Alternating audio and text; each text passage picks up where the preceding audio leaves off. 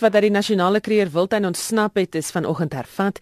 Die leeu is die laaste keer naby Matsulu gesien, die 9de Julie. Sandpark het inwoners van Matsulu wat reg langs die wildtuin geleë is gevra om versigtig te wees intussen.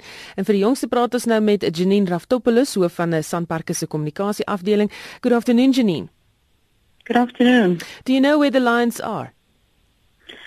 Currently, with the recent update, um, they were first sighted at the N1, which is the Crocodile Gorge um, area, and the team that has been on the ground has now located into a very rocky, mountainous, thickly wooded area, which is south of the Crocodile Gorge. So that's its current, lo- their current or last seen location. Um, are they close to any communities at the moment?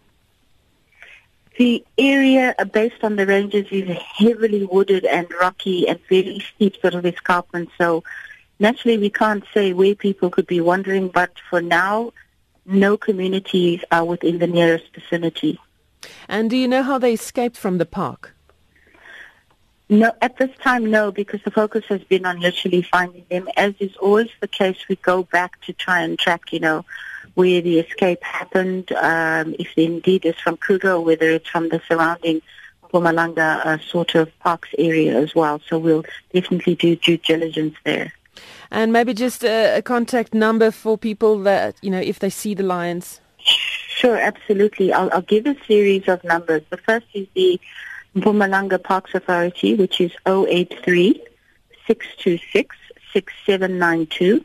Then we have the SANParks number, which is 076 801 9679. Or, of course, you can call the SAPs at 10111. Tangible one, there we go.